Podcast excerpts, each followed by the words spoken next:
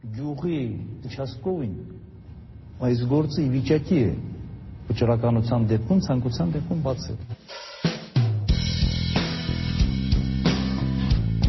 Կասկածի ворթը մեզ ներսից ուտելու է, մեզ ջանդամը պետությունն է ուտել։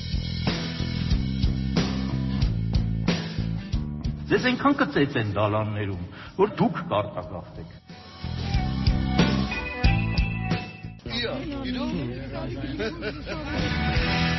Այն, որ 2003 թվականի նախագահական ընտրությունները մեկ փուլով չեն ավարտվի, հայտնի դարձավ քվեարկության ավարտից գրեթե 24 ժամ անց, երբ երկարատև լռությունից հետո վերջապես խոսեց կենտրոնական ընտրական հանձնաժողովի նախագահ Արտակ Սահրազյանը։ Տեղյակ եմ պահել հանրապետության ղեկավարությանը, որ մենք գնում ենք երկրորդ փուլ Սարազյանի այս հայտարարությունը հնչեց ընդդիմության բազմահազարանոց հանրահավաքից ու երթից ընդամենը մի քանի ժամ անց եւ բնական էր, որ Ստեփան Դեմիրճյանի կողմնակիցները երկրորդ փուլի անցկացումը իրենց ճնշման արդյունք ընկալեցին։ Միած փչեցինք կենտրոնական կոչվող հանձնաժողովի ուղղությամբ եւ վախից արդեն որոշումը կայացրեցին։ Արշակ Սադոյանի այս ելույթը ընդդիմության արդեն երկրորդ հետընտրական հանրահավաքի ժամանակ էր 2003-ի փետրվարի 21-ին։ Մատենադարանի մոտ կազմակերպված այս ցույցը նույնիսկ ավելի մարդաշատ էր, քան մեկ օր առաջվանը մասնակիցների տրամադրություններն էլ միաժամանակ թե վճռական էին, թե հաղթական։ Դեմիրճյանների հաղթարշավի երկի հնչյունների տակ բազմահազարանոց հանրահավաքում Ստեփան Դեմիրճյանին ներկայացրեցին որպես Հայաստանի Հանրապետության նախագահ Ստեփան Դեմիրճյանը Ընդդիմադիրների այսօրվա հանրահավաքը ցույց տվեց, որ մարտական տրամադրությունները պահպանվում են։ Շարունակում են հայտարարել, թե Ստեփան Դեմիրճյանը հենց առաջին փուլով նախագահ է ընտրվել։ Արամ Սարգսյան Որևէ երկրորդ, երրորդ, չորրորդ փուլ գոյություն չունի ժողովուրդ։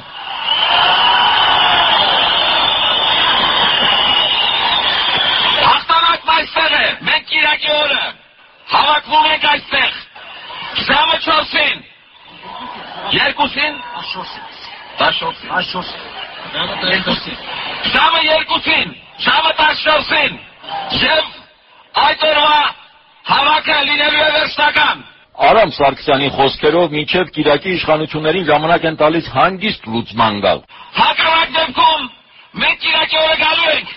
եւ վերցնելու ենք իշխանությունը։ Մոտ 2 ժամ տևած հանրահավաքում կարելի է ասել ամենաչեզոքը գլխավոր հերոսի երկրորդ փուլ անցած տեխնատու Ստեփան Դեմիրճյանի ելույթն էր։ Դժվարին ճանապարհ է սպասվում։ Խնդիրները շատ են, բազմաբնույթ, բայց միասին մենք հաղթահարելու ենք։ Մենք հասնելու ենք մեր նպատակներին օրինական ճանապարհով, անգիստ, խաղաղ, բայց արդեն իսկ ակնհայտ է, որ ժողովրդի կամքը կրկնում եմ աղթանակել է։ Օրինական ճանապարհով մենք ամրագրելու ենք ժողովրդի աղթանակը։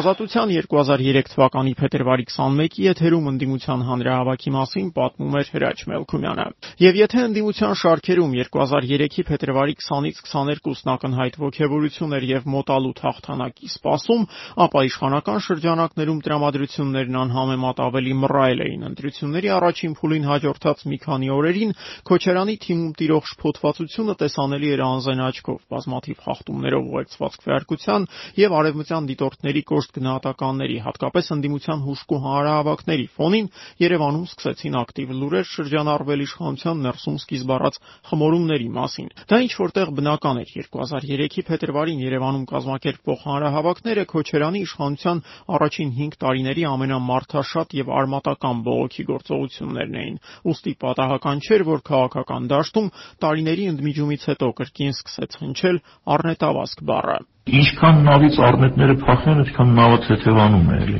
Առնետավազքի դրական կողմերի մասին դաշնակցական Վահան Հովանիսյանը խոսում էր Ազատության 2003 թվականի փետրվարի 21-ի եթերում Ռուզան Խաչատրյանին տված հարցազրույցում։ Հովանիսյանն ի դեպ այդ օրերին Քոչարյանի թիմակիցներից առաջինն էր, որ սկսեց զարգացնել այն թեզը, ըստ որի գործող նախագահը համաձայնելով երկրորդ փուլի անցկացմանն ի ցույց դրեց իր իշխանության ժողովրդավարական բնույթը։ Հիշեցնեմ, պաշտոնական տվյալների համաձայն Քոչարյանին առաջին փուլում հաղթելու համար մի քանի հազար ձայն էր պակասել։ Այսօր ամերիկացի մի դիտորդ ինձ ասաց, ԱՊՀ բոլոր երկրներում, բացառությամբ Հայաստանի, դա կդիտվեր որպես հաղթանակ եւ կձևակերպվեր որպես հաղթանակ, շրջանցելով ժողովրդի կամքը։ Հայաստանում դա տեղի չունեցավ եւ ես պետք է ասեմ, որ շատ շատերը զարմացած Նկատի ունեք միջազգային հանրությունը։ Եվ Հայաստանի մեջ էր մեր բնակչությունը շատ շատերը ուրախությամբ, որ երկրում իսկապես դեմոկրատական շրջադարձ կա։ Պարոն Հովանեսյան, այն ամենայն եթե դուք նկատի ունեք Հայաստանի հանրությանը, կան նաև երրորդ տեսակետը, որ ով գիտի թե ինչքան էին կեղծել, որ համաձայնեցին։ Ես օրինակ վստահ եմ, որ այդպես չի։ Մենք նստած ենք եղել նախագահի հետ ամբողջ գիշեր եւ ամբողջ ռեալ ինֆորմացիան տեսել ենք։ Ինչ է ազդեց, որպեսզի այդպիսի որոշում ընդունվի գնալ երկրորդ փուլի։ Հիմնական գործոնը Հայաստանի Հանրապետության օրենքն ու սահմանադրությունն էր։ Չես հավաքել, նույնիսկ մի, ինչպես ասում են, երկու սայի է մնացել, բայց չես հավաքել, ուրեմն գնա երկրորդ փուլի։ Ես կարող եմ հպարտությամբ ասել, որ նախագահի մոտ կասկած անգամ չկար, որ դա պիտի լինի լուծ։ Հովանեսյան, փող մնացել է Ինչ փող։ Հարուզարշավի համար։ Այո, Քոչարյանի քարոշչական շտաբի համար փողն իհարկե խնդիր չէր, խնդիրը բուն քարոզարշավի կազմակերպումն էր։ Իշխանության միջանցքներում լավ էին հասկանում ընտրություններից հետո Հայաստանում տիրող հասարակական տրամադրություններն այնպիսին են, որ Քոչարյանին աջակցող քարոշչական հանդիպումների եւ հանրահավաքների կազմակերպումը խիստ ռիսկային է դառնում։ Չկար ոչ մի երաշխիք, որ այս կամ այն բնակավայրում իշխանության աջակցության նպատակով հրավիրված հանրահավաքը ընդդիմադիր ցույցի չի վերածվի։ Նման պայմաններում, եթե սեփական հավաքների կազմակերպումը գործնականում անհնարին էր, իշխանությանը մնում էր անել հնարավորը ընդդիմության հավաքներին խոչընդոտելու համար։ Հետընտրական շոկից իշխանությունների դուրս գալու առաջին նշույլը դարձավ Երևանի քաղաքապետ Ռոբերտ Նազարյանի փետրվարի 22-ին հանրային հեռուստատեսության եթերում հերարցակած ելույթը։ Պաշտոնյան միանշանակորեն հայտարարում էր ընդդիմության կազմակերպած հանրահավաքները գործող օրենքներին հակասում են։ Ես պետք է նշեմ, որ ճարտոնված միտինգները նաև ունեն իրենից բխող իրավական հետևանքներ եւ ես կոչով դիմում եմ մեր բնակիչներին զերծ մնալ ճարտոնված միտինգներին մասնակցելու։ Այդ նույն երեկո երրորդյա լռությունից հետո հեռուստաէկրաններին հայտնվեց նաև Ռոբերտ Քոչարյանը։ Փորձում ենք ուրիշի ձեռքով վիճակը ապակայունացնել։ Գիտենք դա ոնց են անում, գիտենք նաև անողների անունները եւ այդ առումով իշխանությունը դիրապետում իրավիճակին եւ իշխանությունը շատ լուրջ հակազդեցություն այս բոլոր միտումներին ունենալու է։ Ակնհայտ էր, թե Ռոբերտ Քոչարյանի եւ թե Ռոբերտ Նազարյանի ուղերձների գլխավոր հասցեատերերը հաջորդ օրը փետրվարի 23-ին նշանակված հանրահավաքի մասնակիցներն ու կազմակերպիչներն էին։ Հանրահավաք, որից հետո Ստարամ Սարգսյանի ընդդիմությունը պետք է վերցներ իշխանությունը։ Միանգամից ասեմ, որ բազմահազարանոց երթը նախագահի նստավեր չգնաց, չնայած նախորդ հանրահավաքում Արամ Սարգսյանը հանրապետություն կուսակցությունից այսօրվա համար կոչ էր արել գնալ եւ վերցնել իշխանությունը, բայց այսօր երթը շարունակվեց այլ ուղղությամբ, սակայն դա չի նշանակում նշանակում, թե նախագահի նստավայր գնալուց իսպար հրաժարվեցին։ Արամ Սարգսյանն այսօր ասաց. Մենք նակամ ենք միանշանակ կենտրոնական ընտրական հանձնաժողովի արդյունքները հայտարարելուց հետո հրյուն փաստեր ունենալով մենք գիտակից ժողովուրդ ենք եւ պիտի մեր քայլերը լինեն գիտակից եւ տրամաբանված։ Հաջորդ հանրահավաքը նշանակվեց փետրվարի 26-ին։ Դրանից մեկ օր առաջ փետրվարի 25-ի երեկոյան կենտրոնական ընտրական հանձնաժողովը հրապարակելու է փետրվարի 19-ի ընտրության վերջնական արդյունքները։ Այդ արդյունքների հրապարակումը հետաձգվեց, քանի որ ընդդիմության կողմից բողոքներ կային։ Օրենքի պահանջով վերջնական արդյունքները հրապարակվում են 3 օրվա ընթացքում, բայց եթե քվեարկության արդյունքների հետ կապված բողոքներ կան, 6 օր հետո։ Ընդդիմադիրների դեպի նախագահական երթի հետաձգումը իշխանությունների առաջին մարտավարական հաջողությունն էր առաջին փուլից հետո։ Քոչարյանն ու թիմակիցները կարողացան ժամանակ շահել։ Այժմ իշխանության օրակարգում մեկ այլ հրատապ խնդիր կար, ինչպես մարտի 5-ին նշանակված երկրորդ փուլից առաջ չեզոքացնել ընդդիմության ակտիվիստներին։ Խոսքը սակայն ոչ թե հարթակում կանգնած ընդդիմադիրների մասին էր, այլ այն տեղացի գործիչների, որոնք նախընտրական շրջանում իրենց ուսերին էին կրել Քարոզ Արշավի ողջ ծանրությունը, համակարգելով Ստեփան Դեմիրճյանի տասնյակ շտաբերի աշխատանքը ընտրությունների օրն էլ տեղամասերում փորձելով կանխել կեղծիքները։ Բերենք նրանցից մեկի Արմավիրում գտնվող շտաբերից մեկի ղեկավար Ազատ Գրիգորյանի օրինակը։ Նա մեկն էր այն հարյուրավոր ընդդիմադիր ակտիվիստներից, որ 2003-ի փետրվարի վերջին պարզապես անհետացավ։ Փետրվարի 22-ին Բոման անձինք Ես ասում եմ Բոման, որովհետև նրանք չեն ներկայացի։ Ես չգիտեմ ով են, որտեղից են։ Ոչ մի անձահաստատող փաստաթուղթ չեն տվել։ Ներխուժել են իմ տուն եւ տարել են բռնյուժով իմ ամուսնուն։ Ուր են տարել տարել են ընդամենը կես ժամով պետը զրուցել է ուզում։ 6-րդ օրն ես չգիտեմ նրա տեղը։ Իսկ որոշ ընդդիմադիրներ, որոնք առաջին փուլում աչքի էին ընկել ընտրակեղծիքների դեմ պայքարով, 2003-ի փետրվարին պարզապես գերադասում էին թաքնվել, կանխած գալով գրեթե անխուսափելի ձերբակալությունը։ Նրանցից մեկն օրինակ Հացիկ գյուղի տեղամասային հանձնաժողովի ընդդիմադիր անդամ Գոր Մարտիրոսյանն էր։ Արդեն 6-րդ օրն է, ինչ ես չեմ գիշերում իմ սեփական տանը։ Եթե լինում է պահ, որ կարողանում եմ այցելել տուն,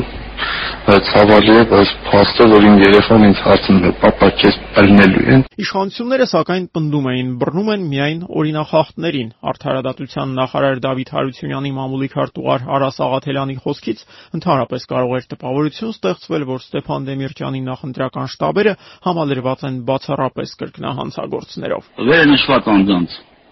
անձնական գործերի ուսումնասիրությունը ցույց է տալիս,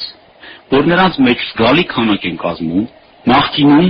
օրինախախտում թույլ տված անձինք։ Այնտեղ կան քաղաքացիներ, որոնք որ նախկինում դատված են եղել գողության համար, մարմնական ծանր վնասվածքներ հասցնելու համար, ապօրինի զենզինամթերք պահելու համար, թմրանյութերի առևտրի համար, անգամ բռնաբարության։ Նշեմ սակայն, որ Ստեփան Դեմիրճյանի օկտին աշխատող ցանցի թուլացումը իշխանությունների համար երկրորդ փուլում հաղթանակի հասնելու կարևոր, բայց բավարար պայման չէր։ Դեմիրճյանի կողմնակիցներից բացի մնում էին դեռ 100 հազարավոր այլ ընտրողներ, որոնք առաջին փուլում քվեարկել էին մյուս ընդդիմադիր տեխնացուների օկտին։ Եվ եթե առաջին փուլում մոտ 1% ստացած Վազգեն Մանուկյանն ու 3%-ով 4-րդ տեղը զբաղեցրած Արամ Կարապետյանը հայտարարել էին Ստեփան Դեմիրճյանին սատարելու մասին, ապա 250 հազար ընտրողների աջակցությունը ազդեցությունը ստացած Արտաշես Գեղամյանը կողմնորոշվել չէր շտապում։ Առաջին փուլի քվեարկությունից անմիջապես հետո հայտնի դարձավ, որ Գեղամյանը բանակցում է թե Դեմիրճյանի եւ թե Քոչարյանի աջակիցների հետ։ Գեղամյանի հետ փետրվարի 22-ին նախագահի անունից հանդիպեց Վահան Հովանիսյանը։ Նախորդ օրը Արտաշես Գեղամյանն արդեն իսկ ակնարկել էր, որ Ստեփան Դեմիրճյանին չի աջակցի։ Ազգային միաբանության ղեկավարի պահանջը շատ ավելի գլոբալ էր՝ զրոյից նախագահական նոր ընտրություններ անցկացնել։ Եթե երկրորդ փուլը հայտարարվում, կնշանակի մենք հաշտվում ենք այն մտքի հետ, որ պարոն Քոչարյանը ստացել է 700.000 ընտրողների քվե։ Մենք լեգիտիմացնում ենք արդեն այդ քվեները պարոն Քոչարյանի։ Խոսքը գնում է այն մասին, որ ընտրությունները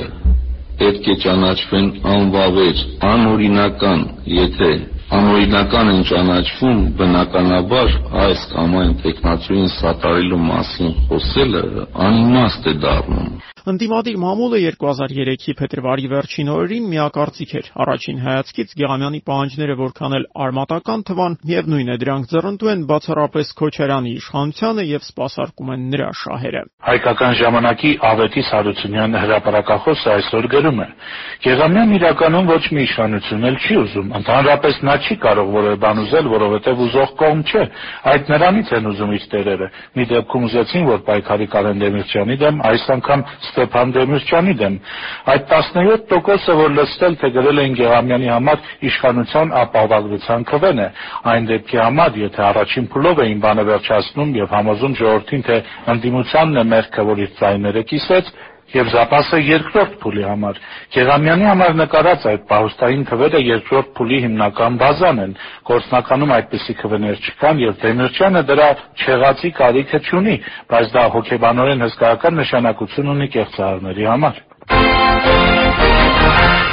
Ազատության 2003 թվականի փետրվարի 27-ի եթերում մամուլի տեսությունը ներկայացնում էր Վաչե Սարգսյանը։ Ահա այս իրավիճակում հարյուրավոր ձերբակալված ակտիվիստներով եւ ընդդիմության միավորման չարթարացած հույսերով Ստեփան Դեմիրճյանի կողմնակիցները մոտեցան վճռորոշ հանրահավաքի օրվան փետրվարի 26-ին։ Դրա նախորդ օրը երեկոյան կենտրոնական ընտրական հանձնաժողովը հրապարակել էր առաջին փուլի վերջնական արդյունքները։ Ընդդիմության որոշ գործիչների հույսերը, թե բազմահազարանոց հանրահավաքների ճնշման ներքո հիմնականում Քոչարյանի աջակիցներից կազմված կենտրոնական ընտրական հանձնաժողովը կարձանագրի Ստեփան Դեմիրճյանի հաղթանակը հենց առաջին փուլում վերջնականապես մարեցին։ Մնում էր Արամ Սարգսյանի առաջարկած տարբերակը՝ գնալ Բաղրամյան պողոտա եւ վերցնել իշխանությունը։ Երթը գնաց դեպի նախագահի նստավայր, Ստեփան Դեմիրճյանը նրանց մեջ չկար, նա չմասնակցեց երթին։ Նախագահի արդեն նախկին տեխնատուններից կար միայն Արամ Կարապետյանը։ Բայց ցուցարարները նախագահի նստավայր չհասան։ Գիտությունների ազգային ակադեմիա Ռոբերտ Քոչարյանի շտաբ չհասած ամբողջ Պողոտան լայնությամբ շատ ուժեղ արգելքներով փակված էր։ Նախ ոլորած փշալարերի խիտ շարք, բարձրությունը մոր մարդու հասակի չափով անցնել բացարձակապես հնարավոր չէր։ Դրանից հետո մի քանի շարքով մեծ վահաններ իրար կպցրած Պողոտան փակել էին մահակներով եւ սաղավարտներով զինվորները, նրանց հետևից երևում էին ջրցան երկու մեքենաներ, այդ ցույցին մասնակցող երկրապահները, որոնք գործից հասկանում էին, ասում էին, որ մայթերին կանգնած զինվորականների ձեռքերին գազային վինչեստրներ կան, բացարձակ ոչ մի հնարավորություն չկար առաջ շարժվելու եւ հենց փշալարերի մոտ երթը կանգնեց Պարզ են այդ բացականչությունները, որոնք միշտ նման դեպքերում լինում են, Քոչարյան հերացիր, մի քանի անգամ հնչեցին այդ բացականչությունները կամ Դեմիրճյան, Դեմիրճյան էին վանկարկում, այդպիսի բացականչություններին ավելացնել բողոքի եւս մեկ նշան, այդ հետևի շարքերից ծև գույնի մի կրծկալ նետեցին, որը ասեն փշալարերը անցավ, զինվորներին չհասավ, այդպես մնաց գետնին ընկած։ Այն նույն ժամերին, երբ ընդդիմությունը շարժվում էր դեպի Բաղրամյան 26, ցուցարարներից մի քանի 100 մետր հեռավորության վրա լրագրողների հետ էր հանդիպում Ռոբերտ Քոչարյանը։ Երկրի ղեկավարի այս ասուլիսը գալիս էր ազդարարելու իշխանության ներսում ցակած հետընտրական շփոթվածության եւ ներքին խմորումների ավարտը։ Նախագահ եւ տեխնացու Ռոբերտ Քոչարյանը այսօր իր նստավայրում հրավիրած ասուլիսում հայտարարեց, թե ընտրությունների առաջին փուլում խախտումներ եղել են, բայց չեն գերազանցել այն մոտավոր ծավալները, որոնք մտահոգում են միջազգային հանրությանը։ Եղել են իհարկե խախտումներ եւ իօգտ գործող նախագահի եւ իօգտ ընդդիմությանը, բայց այդ խախտումների ծավալները անցումային շրջանում գտնվող երկրների համար այսպես ասենք, հասկանալի կամ թույլատրելի նորմերի մեջ չէր։ Նախագահ եւ տեխնացու Քոչարյանն ասաց, որ չի բողոքում ընդդիմության խախտումների շուրջ իր ունեցած տեղեկությունների առիթով, բայց որ թույլ չի տա։ Իսկ ինչու չի բողոքում։ Դե տեղեկը որ եթե բացեն կարող է պատահել որ ես անցած լինի։ Ես չեմ ուզում ուղղակի հանկարծ հանկարծ մի բան իրավիճակ ունենամ։ Մարտի 5-ի ընտրություններից առաջ սակայն Քոչարյանը դասական առումով ընտրարշավ չէր անցկացնում։ Եթե առաջին փուլին ընթരാճ գործող նախագահը հանրապետության ողջ տարածքով մեկ հանդիպում էր ընտրողների հետ, ապա երկրորդի շեմին նա գերադասում էր հանդիպել բացառապես իր ակտիվիստների Պարզ ասած, ձայն բերողների հետ։ Ռոբերտ Քոչարյանն այսօր արդեն երկրորդ օրն է քարոզարշավային աշխատանքն անցկացնում է առանց լրագրողների եւ ինչպես նրա շտաբի քարոզչական հարցերով պատասխանատու Վահագն Մկրտչյանը տեղեկացրեց, երկրորդ փուլում մարտավարությունն առավելապես կենտրոնանում է կազմակերպական խնդիրների վրա եւ երեք ու այսօր Երևանի տարբեր համայնքներում շտաբների ակտիվի հետ հանդիպումները զուտ աշխատանքային բնույթ էին կրում։ Մեր խնդրի է դրված հնարավորինս մաքուր եւ արդար ընտրություններ անցկացնելու այդ առումով մենք նաեւ կձեռնարկենք համապատասխան տեսնել, որպեսզի մեր վստահված անձանց միջոցով վերահսկողությունը տեղամասերում ավելի ուժեղացնել։ Պարոն Մկրտչյան, նախագահն ինքն էլ ասաց վերջին ասուլիսում, որ իր ճամբարի կողմից են խախտումներ եղել։ Արդյոք դուք ունեք տեղեկություններ, արդյոք հորդորում է շտաբների ակտիվին ոչ մի դեպքում թույլ չտալ այդպիսի։ Այո, այդպիսի հորդոր կա, այդ հորդորը եղել է նաև առաջին փուլում եւ ես պետք է ասեմ, որ խոսակցությունները ընտրակեղծիքների մասին չափազանցված են։ Բայց որքան էլ նախագահի թիմակիցները հայտարարեին, թե առաջին փուլում արձանագրված կեղծիքների մասին պնդումները չափազանցված են, ընդդիմությունն ու հայ հանրության մի զգալի մասը վստահ էին փետրվարի 19-ի ընտրությունների պաշտոնական արդյունքները երկրում տիրող իրական տրամադրությունները որևէ կերպ չեն արտահայտում։ Դա էր պատճառը, որ ընդդիմությունն առաջին փուլից 10 օր հետո էլ չէր կարողանում հստակորեն ասել Ստեփան Դեմիրճյանը մասնակցելու է մարտի 5-ին նշանակված երկրորդ փուլին, թե գերադասելու է բոյկոտել այն։ Ընտրություններին մասնակցելու որոշումը ընդդիմադիր թեկնածուն հրապարակեց 2003-ի մարտի 3-ին քվեարկության մեկնարկից ընդամենը 36 ժամ առաջ։ Մենք պետք է գնանք ընտրությունների։ Երկրորդ փուլ չգնալը կնշանակի նահանջ արտարություն հաստատելու պայքարում։ Եվ եթե ես գնում եմ երկրորդ փուլ, դա չի նշանակում, որ ես ընդունում եմ առաջին փուլի արդյունքները։ Նշեմ ի դեպ, որ ընդդիմության վերջին նախընտրական այս հանրահավաքը կայացավ ոչ թե ավանդական վայրում Մատենադարանի մոտ, այլ Հանրապետության հրապարակում։ Պատճառը իշխանություններն էին։ Մարտի 1-ից սկսած Քոչարյանին աջակցող երեք կուսակցությունները Դաշնակցությունը, Հանրապետականն ու Օրինաց երկիրը քաղաքապետարան Մատենադարանի մոտ հանրահավաքներ անցկացնելու իրազեկումներ էին ներկայացրել, փաստորեն զրկելով ընդդիմադիրներին այնտեղ հավաքվելու հնարավորությունից։ Քոչարյանականները, սակայն, երկրորդ փուլից առաջ միայն մեկ հանրահավաք անցկացրեցին մասնակցեցին մարտի 3-ին Հանրապետության հրապարակում ընթացող ընդդիմադիր ցույցին զուգահեռ։ Ես քեզ հետ եմ, քեզ սիրում եմ եւ պատրաստ եմ ծառայել քեզ։ Մատենադարանի հարթակում բազմահազար հավաքվածների արչև իր ելույթն այսպես ավարտեց նախագահ եւ տեխնատու Ռոբերտ Քոչարյանը, որին քիչ հետո հավաքվածները պիտի ուղեկցեին դեպի նախագահի նստավայր։ Մինչ այդ տեխնատուն ասել էր. Ես պետք է կրկնոցի հաշտանակ, որի մեջ բաղադրիչը կլինի կազմակերպված եւ թափանցիկ ընտրություններ եւ սա կնշանակի երկրի հաշտանակը եւ հաշտանակ, որի երկրորդ բաղադրիչը կլինի մեր հաշտանակը։ Համոզիչ հաշտանակ, որ ոչ մեկի մոտ որևէ կասկած չառաջացնի Արձանագրենք, վերջին օրերին լրատվամիջոցներով փնովելով հանրահավաքներն ու դրանք առնվազն ժամանակագրեպ անվանելով Քոչարյանի աջակիցներն այսօր ի վերջո դիմեցին Քարուզ Արշավի այդ ձևին։ Հոց բազմության մեջ աջակից կուսակցությունների բազմաթիվ դրոշների, աշխատավորական կոլեկտիվների, ցուցապաստառների մեջ փողփողում էին նաև Կոտայք գարեջրի ֆիրմային դրոշները։ Հարթակ էին բարձրացել նույնիսկ առաջին փուլի մարզային Քարուզ Արշավում հանրահավաքների չմասնակցած վարչապետ Անդրանիկ Մարգարյանը, շտաբի պետ Սերժ Սարգսյանը Սարգսյանը, Դաշնակցության բյուրոյի ներկայացուցիչ Հրանտ Մարգարյանը։ Այստեղ էին նաև տարածքային կառավարման նախարարը, մարզպետներ, Երևանի համայնքների թաղապետեր եւ իհարկե նաև բոլոր աջակից կուսակցությունների ղեկավարները։ Վահան Հովանիսյան, Դաշնակցություն։ Մենք եկել ենք այս բազմությամբ ապացուցելու, որ մեր նախագահը, մեր տեխնացուն կարիքը չունի կեղծիքների, որովհետև այստեղ կանգնած են նրա 700 հազար զայնի երաշխավորները, դուք Հանրահավաքից առաջ Բաղրամյան պողոտայի եւ Դեմիրճյան փողոցի հատվածներում երկու կարգի ավտոբուսների առատություն էր աչք ծակում՝ միջքաղաքայիններ եւ կարմիրի կառույցներ։ Իկառույցների համազգեստավորները Մատենադարանի մոտ չերևացին, մինչդեռ մյուսների ուղևորները ցուցապաստառներով ու խմբերով շարժվեցին դեպի Մատենադարան։ Որտեղի ժողովուրդն այստեղ հավաքված։ Մասիստաբակու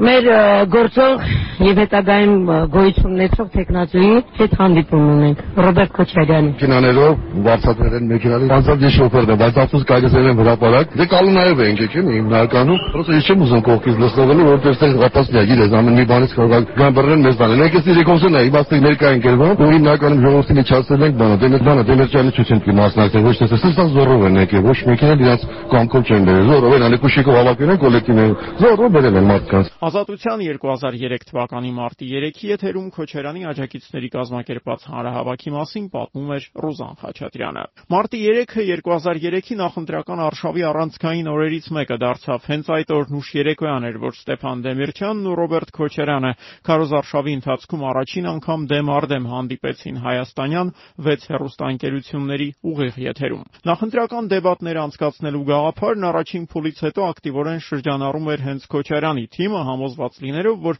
հրապարակային բանավեճի ընթացքում գործող նախագահը հեշտությամբ հաղթելու է Ստեփան Դեմիրճյանին։ Իրականությունը սակայն փոքրինչ այլ էր, թեև դեբատներին մասնակցելու որոշումը ընդդիմության շտաբում կայացվեց վերջին պահին, Դեմիրճյանը տեսախցիկների եւ 6 իշխանամետ հերոստանգերությունների լրագրողների արչեւ իրեն բավական վստահ էր զգում։ Շատ հաճելի է, շատ երկար կարելի է այսպես խոսել քաղաքակիրթ, իսկապես։ Հրաշալի է, չէ՞։ Հրաշալի է ժամերով խոսել, բայց որ ընտրություններն էլ քաղաքակիրթ անցնեին։ Այստեղ է խնդրեմը։ Մենք sense քաղաքակիրթ խոսում ենք, բայց այդ ժամանակ բռնություններ են իրականացնում, մարդկանց ահաբեկում են։ Ընտրությունների երկրորդ փուլը սակայն շատ հեռու էր քաղաքակիրթ կոչվելուց։ ԱԺՄ ներկայացուցիչ Սարգիս Գրիգորյանին սպառնացել էին Կայարանի մոտ 6-րդ դպրոցի թիվ 0387 կոտորակ 17 ընտրատեղամասում։ Թաղի տղեկն ասել էին. «Քվեատուփը լցնելու ենք, քեզ խելոք կպահես»։ Քասի չի լինելու, բանջի ոնց է ոնց է բան, հենց այնպես ասի չի լինելու, բան դեմքս լավ նայ, հետո կտանք քո հարցերը կլուծենք։ Երեք տուն են զանգել, երախու վախցնելով բանով։ Ստեփան Դեմիրճյանի վստահված անձ Լևոն Գրիգորյանին նույնպես սպառնացել են։ Մեզ սպառնացել են, մինչև իրգու դուրս գալուց կարող է խփել։ Նա պնդում էր, որ քվեատուփը լցրել են։ Իմ ասկոտ տեսա որ արգղը բացացած քթես մեջ է, միսես խուրց։ Շո Այս նույն տեղամասում հանձնաժողովի անդամներից Բաբայան Օվսաննայի ասելով ոչ մի բան էլ չի պատահել։ Պարզապես արկղը թափ են տվել, որ քվեաթերթիկների համար տեղ բացվի։ Եվ այստեղ մեր միջազգային դիտորդն եկավ տեսավ, ասեց ես ուրիշ դպրոցում տեսել եմ կիպաներով, այստեղ մեկիկ մեկիկ գծված բան է։ Ի այդպես չի կարելի։ Նախորդ մինչև ընտրությունը սկսել ասեց գծում են, հագցում են։ Կարելի է այդպես։ Կենտրոն համայնքի թիվ 33 եւ 39 դպրոցների տեղամասերը փետրվարի 19-ին աչքի են ընկել Ռոբերտ Քոչարյանի օկտին միջինից շատ ավելի բարձր տված ձայներով։ Այդ դպրոցներում երկուական տեղամաս կա։ 4 տեղամասում Քոչարյանը 92-ից 95% ձայն էր ստացել։ Այսօր միջև 5-ից կեսը այդ տեղամասերում բողոքներ, արձանագրություններ չկային։ Վստահված անձինք դժգոհություններ չհայտնեցին։ Բողոքում էին ընտրողները։ 15 տարվա մեռած մարդիկ ցուցակներում կան որպես ընտրողներ։ Կենթանիներին եթե չկա մարդիկ դատարան են դիմում, վերականգնում են իրենց իրավունքները։ Բան մեռածները ուն դիմեն, որ ցուցակներից դուրս գան։ Մաքսիմ Գորկի երրորդ ներփանցքից կա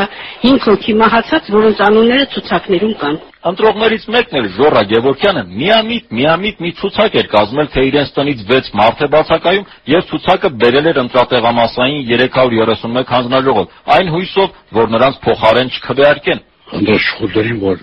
բաները, ինչ-որ բան կատարում ստե։ Ձղենիցը կանչինը բա արեստի, ուզում ես նորմալ հասստուն, եկալ է ձեղից չղին, շպրտել, քանեկապ կրկնեց, ուզում ես նորմալ հասստուն։ Ազատության 2003-ի մարտի 5-ի եթերում ընտրատեղամասերում տիրող մթնոլորտը ներկայացնում էր Հրաչ Մելքումյանը։ Խախտումների աննախադեպ ծավալի եւ դրանց գրեթե անթակույց բնույթի մասին ընտրությունների հաջորդ օրը կայացած ասուլիսի ժամանակ նշում էին նաեւ ԵԱՀԿ եւ Եվրախորհրդի դիտորդները։ Մարտի 5-ին կայացած նախագահական ընտրությունները չէին համապատասխանում ժողովրդավարական ընտրությունների միջազգային չափանիշներին։ Այսպիսին է ԵԱՀԿ-ի եւ Եվրախորհրդի դիտորդական առաքելությունների համատեղ նախնական եզրակացությունը։ ԵԱՀԿ դիտորդական առաքելության ղեկավար Պիտեր Այքերը նաեւ խոստովանեց.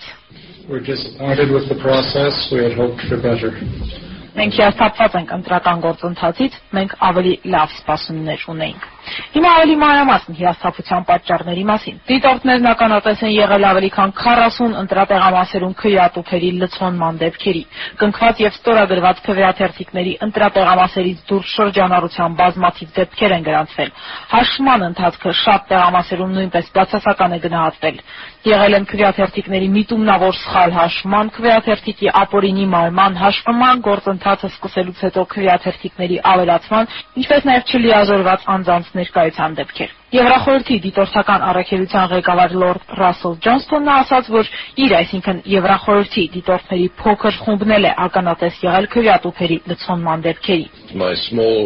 Council of Europe team actually saw ballot stuffing taking place. Արևմտյան դիտորդների ասուլիսին 2003-ի մարտի 6-ին ներկա էր Աննա Սահաբարյանը։ Թվում էր, թե ընտրակեղծիքների նման ծավալները եւ դիտորդների նման կոշտ գնահատականները նոր լիցք են հաղորդելու ընդդիմության բողոքի ակցիաներին։ Ու թեև ընդդիմադիրների բողոքի գործողությունները երկրորդ փուլից հետո շարունակվեցին, բայց եւ այնպես իշխանությունը դիմեց մի անսպասելի քայլի, որը մի կողմից հանրային ուշադրությունը շեղեց ընտրություններից, մյուս կողմից զգալիորեն կաշկանդեց ընդդիմության առավել արմատական տրամադրված հատվածի գործողությունները։ Ընտրատեղամասերը փակվելուց բառացիորեն մի քանի րոպե անց Հայաստանի ուժային կառույցները հայտարարեցին, որ բացահայտել են հանրային հեռուստառադիոընկերության խորհրդի նախագահ Տիգրան Նաղդալյանի սպանությունն, ակնարկելով, որ հանցագործության հետքերը տանում են դեպի ընդդիմադիր շրջանակներ։ Տիգրան Նաղդալյանի սպանության գործով ձերբակալված 6 անձանց ինքնության մասին որևէ տեղեկություն պաշտոնական աղբյուրները ջերս չեն տրամադրում։ Հիմնավորումը քնության շահերն են եւ հատկապես այն, որ հետախուզության մեջ են գտնվում եւս մի քանի հոգի։ Որոշակի թիվ նույնպես չի նշվում։ Այնուամենայնիվ չի բացառվում, որ առաջիկա օրերին ի վերջո հրապարակվեն մեղադրյալների անունները։ Իսկ մինչ այդ տարաբնույթ լուրեր էին պտտվում ձերբակալվածների մասին։ Համենայն դեպս Հանրապետություն կուսակցության քաղաքորդի ղեկավար անդամներ Ալբերտ Բազեյանը եւ Արամ Սարգսյանը միանշանակ հայտարարեցին, թե ոչ Հանրապետություն կուսակցությունից, ոչ երկրապահներից ձերբակալվածներ չկան։ Արամ Սարգսյան Իմ մերձավորներից որևէ մեկը ձերբակալված չի, դրանք լոկ բամբասանքներ են։ Լուրեր կան նաև, որ հետախուզման մեջ է Արամ Սարգսյանի մերձավորներից մեկը, սակայն պարոն Սարգսյանը կտրականապես հերքեց։ Չի կարող նման բան լինել, որովհետև ես կանչին քրիստոնյա եմ եւ մի սպանից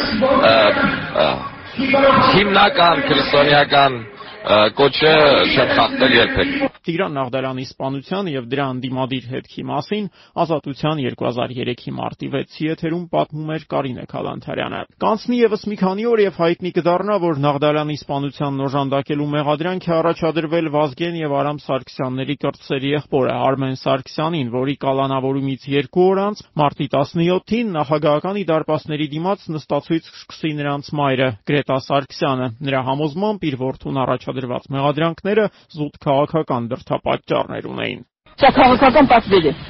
քաղաքական ակցիա է։ Ընդդիմությանը լրացնելու միջոց է։ Արամին լրացնելու համար հատկապես։ Ես նստացույց եմ հայտարարել։ Այս բռնությունների դեմ քանի դեռ միջոցներ չեն ձեռնարկել, քանի դեռ իմ որդուն բաց չեն թողել, ազատ չեն արտադրել։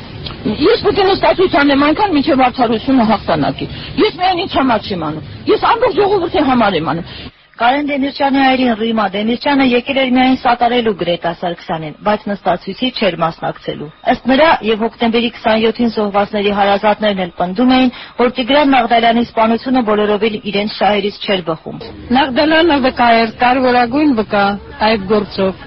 Մենք բոլորս անհամբեր սպասում էինք նրա ցուցմունքներին։ Ես հիմա եմ համոզված, որ այդ ցուցմունքները բեկում կբերեին դատավարության ընթացքին։ Մյուս կողմից այս սպանությունը ձեռնտու է միայն եւ միայն 27-ի կազմակերպիչների համար, որպեսզի թելը կտրեն։ Ոչ Գրետա Սարգսյանի նստացույցը, ոչ էլ միմյանց հաջորդող ընդդիմության ցույցերը, սակայն այդպես էլ որևէ արդյունքի չհանգեցրին։ Կենտրոնական ընտրական հանձնաժողովը պաշտոնապես ամրագրեց Ռոբերտ Քոչարյանի հաղթանակը, ազդարելով, որ 2003-ի ապրիլի 9-ին մեկնարկելու է նրա պաշտոնավարման երկրորդ ժամկետը։ Բանձնելով Հայաստանի Հանրապետության նախագահի պաշտոնը հայ ժողովրդի առջև երթվում եմ լինել հանրապետության անկախության, տարածքային ամբողջականության եւ անվտանգության երաշխավորը։ Հարգել եւ պաշտպանել մարդու եւ քաղաքացու իրավունքներն ու ազատությունները Ռոբերտ Քոչարյանի երթմանը արարողությունը կազմակերպվել էր Մելիք Ադամյան փողոցի վրա գտնվող կառավարության նիստերի դահլիճում այդտեղ հասնելու համար, սակայն 2003-ի ապրիլի 9-ին լրագրողներն ու հյուրերը ստիպված էին մի քանի ոստիկանական շղթա հատել Երևանի փոքր կենտրոնն այդ օրը գրեթե պատերազմական գոտի էր հիշեցնում։ Բանն այն է, որ երթմնակալության արարողությանը զուգահեռ Մատենադարանի մոտ մեկնարկել էր ընդդիմության հանրահավաքը։ Դրա մասնակիցները Քոչարյանի պաշտոնամուտի արարողությունը տապալելու հարցում խիստ հաստատակամ էին։ Ցուցարարների դեմ ոստիկաններն առաջին անգամ գործի դրեցին ռետինե մահակները։ Նախագահական ընտրություններից սկսված ընդդիմադիրների հանրահավաքների ցույցերի երթերի ժամանակ այդպիսի բան դեռ չէր եղել։ Դա տեղի ունեցավ, երբ Մատենադարանի մոտ հանրահավաքն ավարտվեց եւ ինչպես սպասվում էր, որոշվեցին երթով գնալ Հանրապետության հրապարակ։ Կառավարության նիստերի դահլիճում կես ժամից սկսվելու էր նախագահի պաշտոնը ստանձնելու արարողությունը։ Պոնչիկանոցի դիմաց մահակներով ոստիկանները փակել էին ցուցարարների ճանապարհը։ Նրանց հետևից զինվորների շարք էր կանգնած։ Մաշտոցի պողոտան փակ էր։ Ցուցարարները բացականչում էին, բացեք ճանապարհը, հետևի շարքերի ճնշում էին։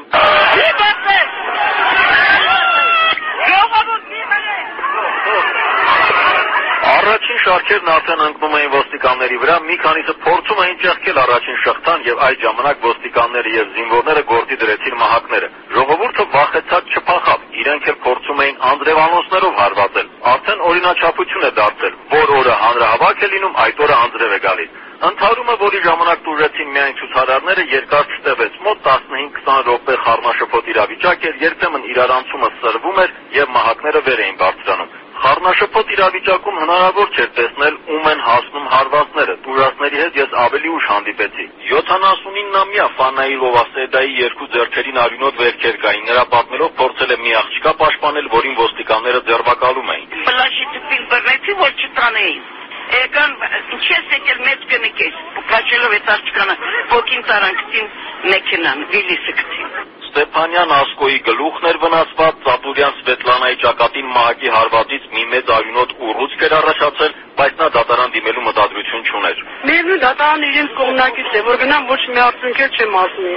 Վերադառնանք Պոնչիկանոցի մոտ։ Ընթարումից հետո ցուցարարները որոշեցին հանրապետության հրապարակ հասնել Աբովյան փողոցով։ Ճանապարհին ոստիկանների շարքերով փակված էին կենտրոնական ընտրական հանձնաժողով տանող նեղ փողոցը, Տերյան փողոցը։ Աբովյանը փակված էր Երևան հյուրանոցի մոտ։ Առաջին շարքերում նորից մահակներով ոստիկաններ էին, հետո զինվորներ։ Սովորական մարդիկ համարժեք արձագանքում էին, բարերը փոխած երկեր երգում, մի քանիստ էլ զնգզնգացնում էին իրենց հետ բերած մետաղե շերեփներն ու թասերը։ Դենիսանի ժողովուրդ ենք Deniz hani yağmur mendilleri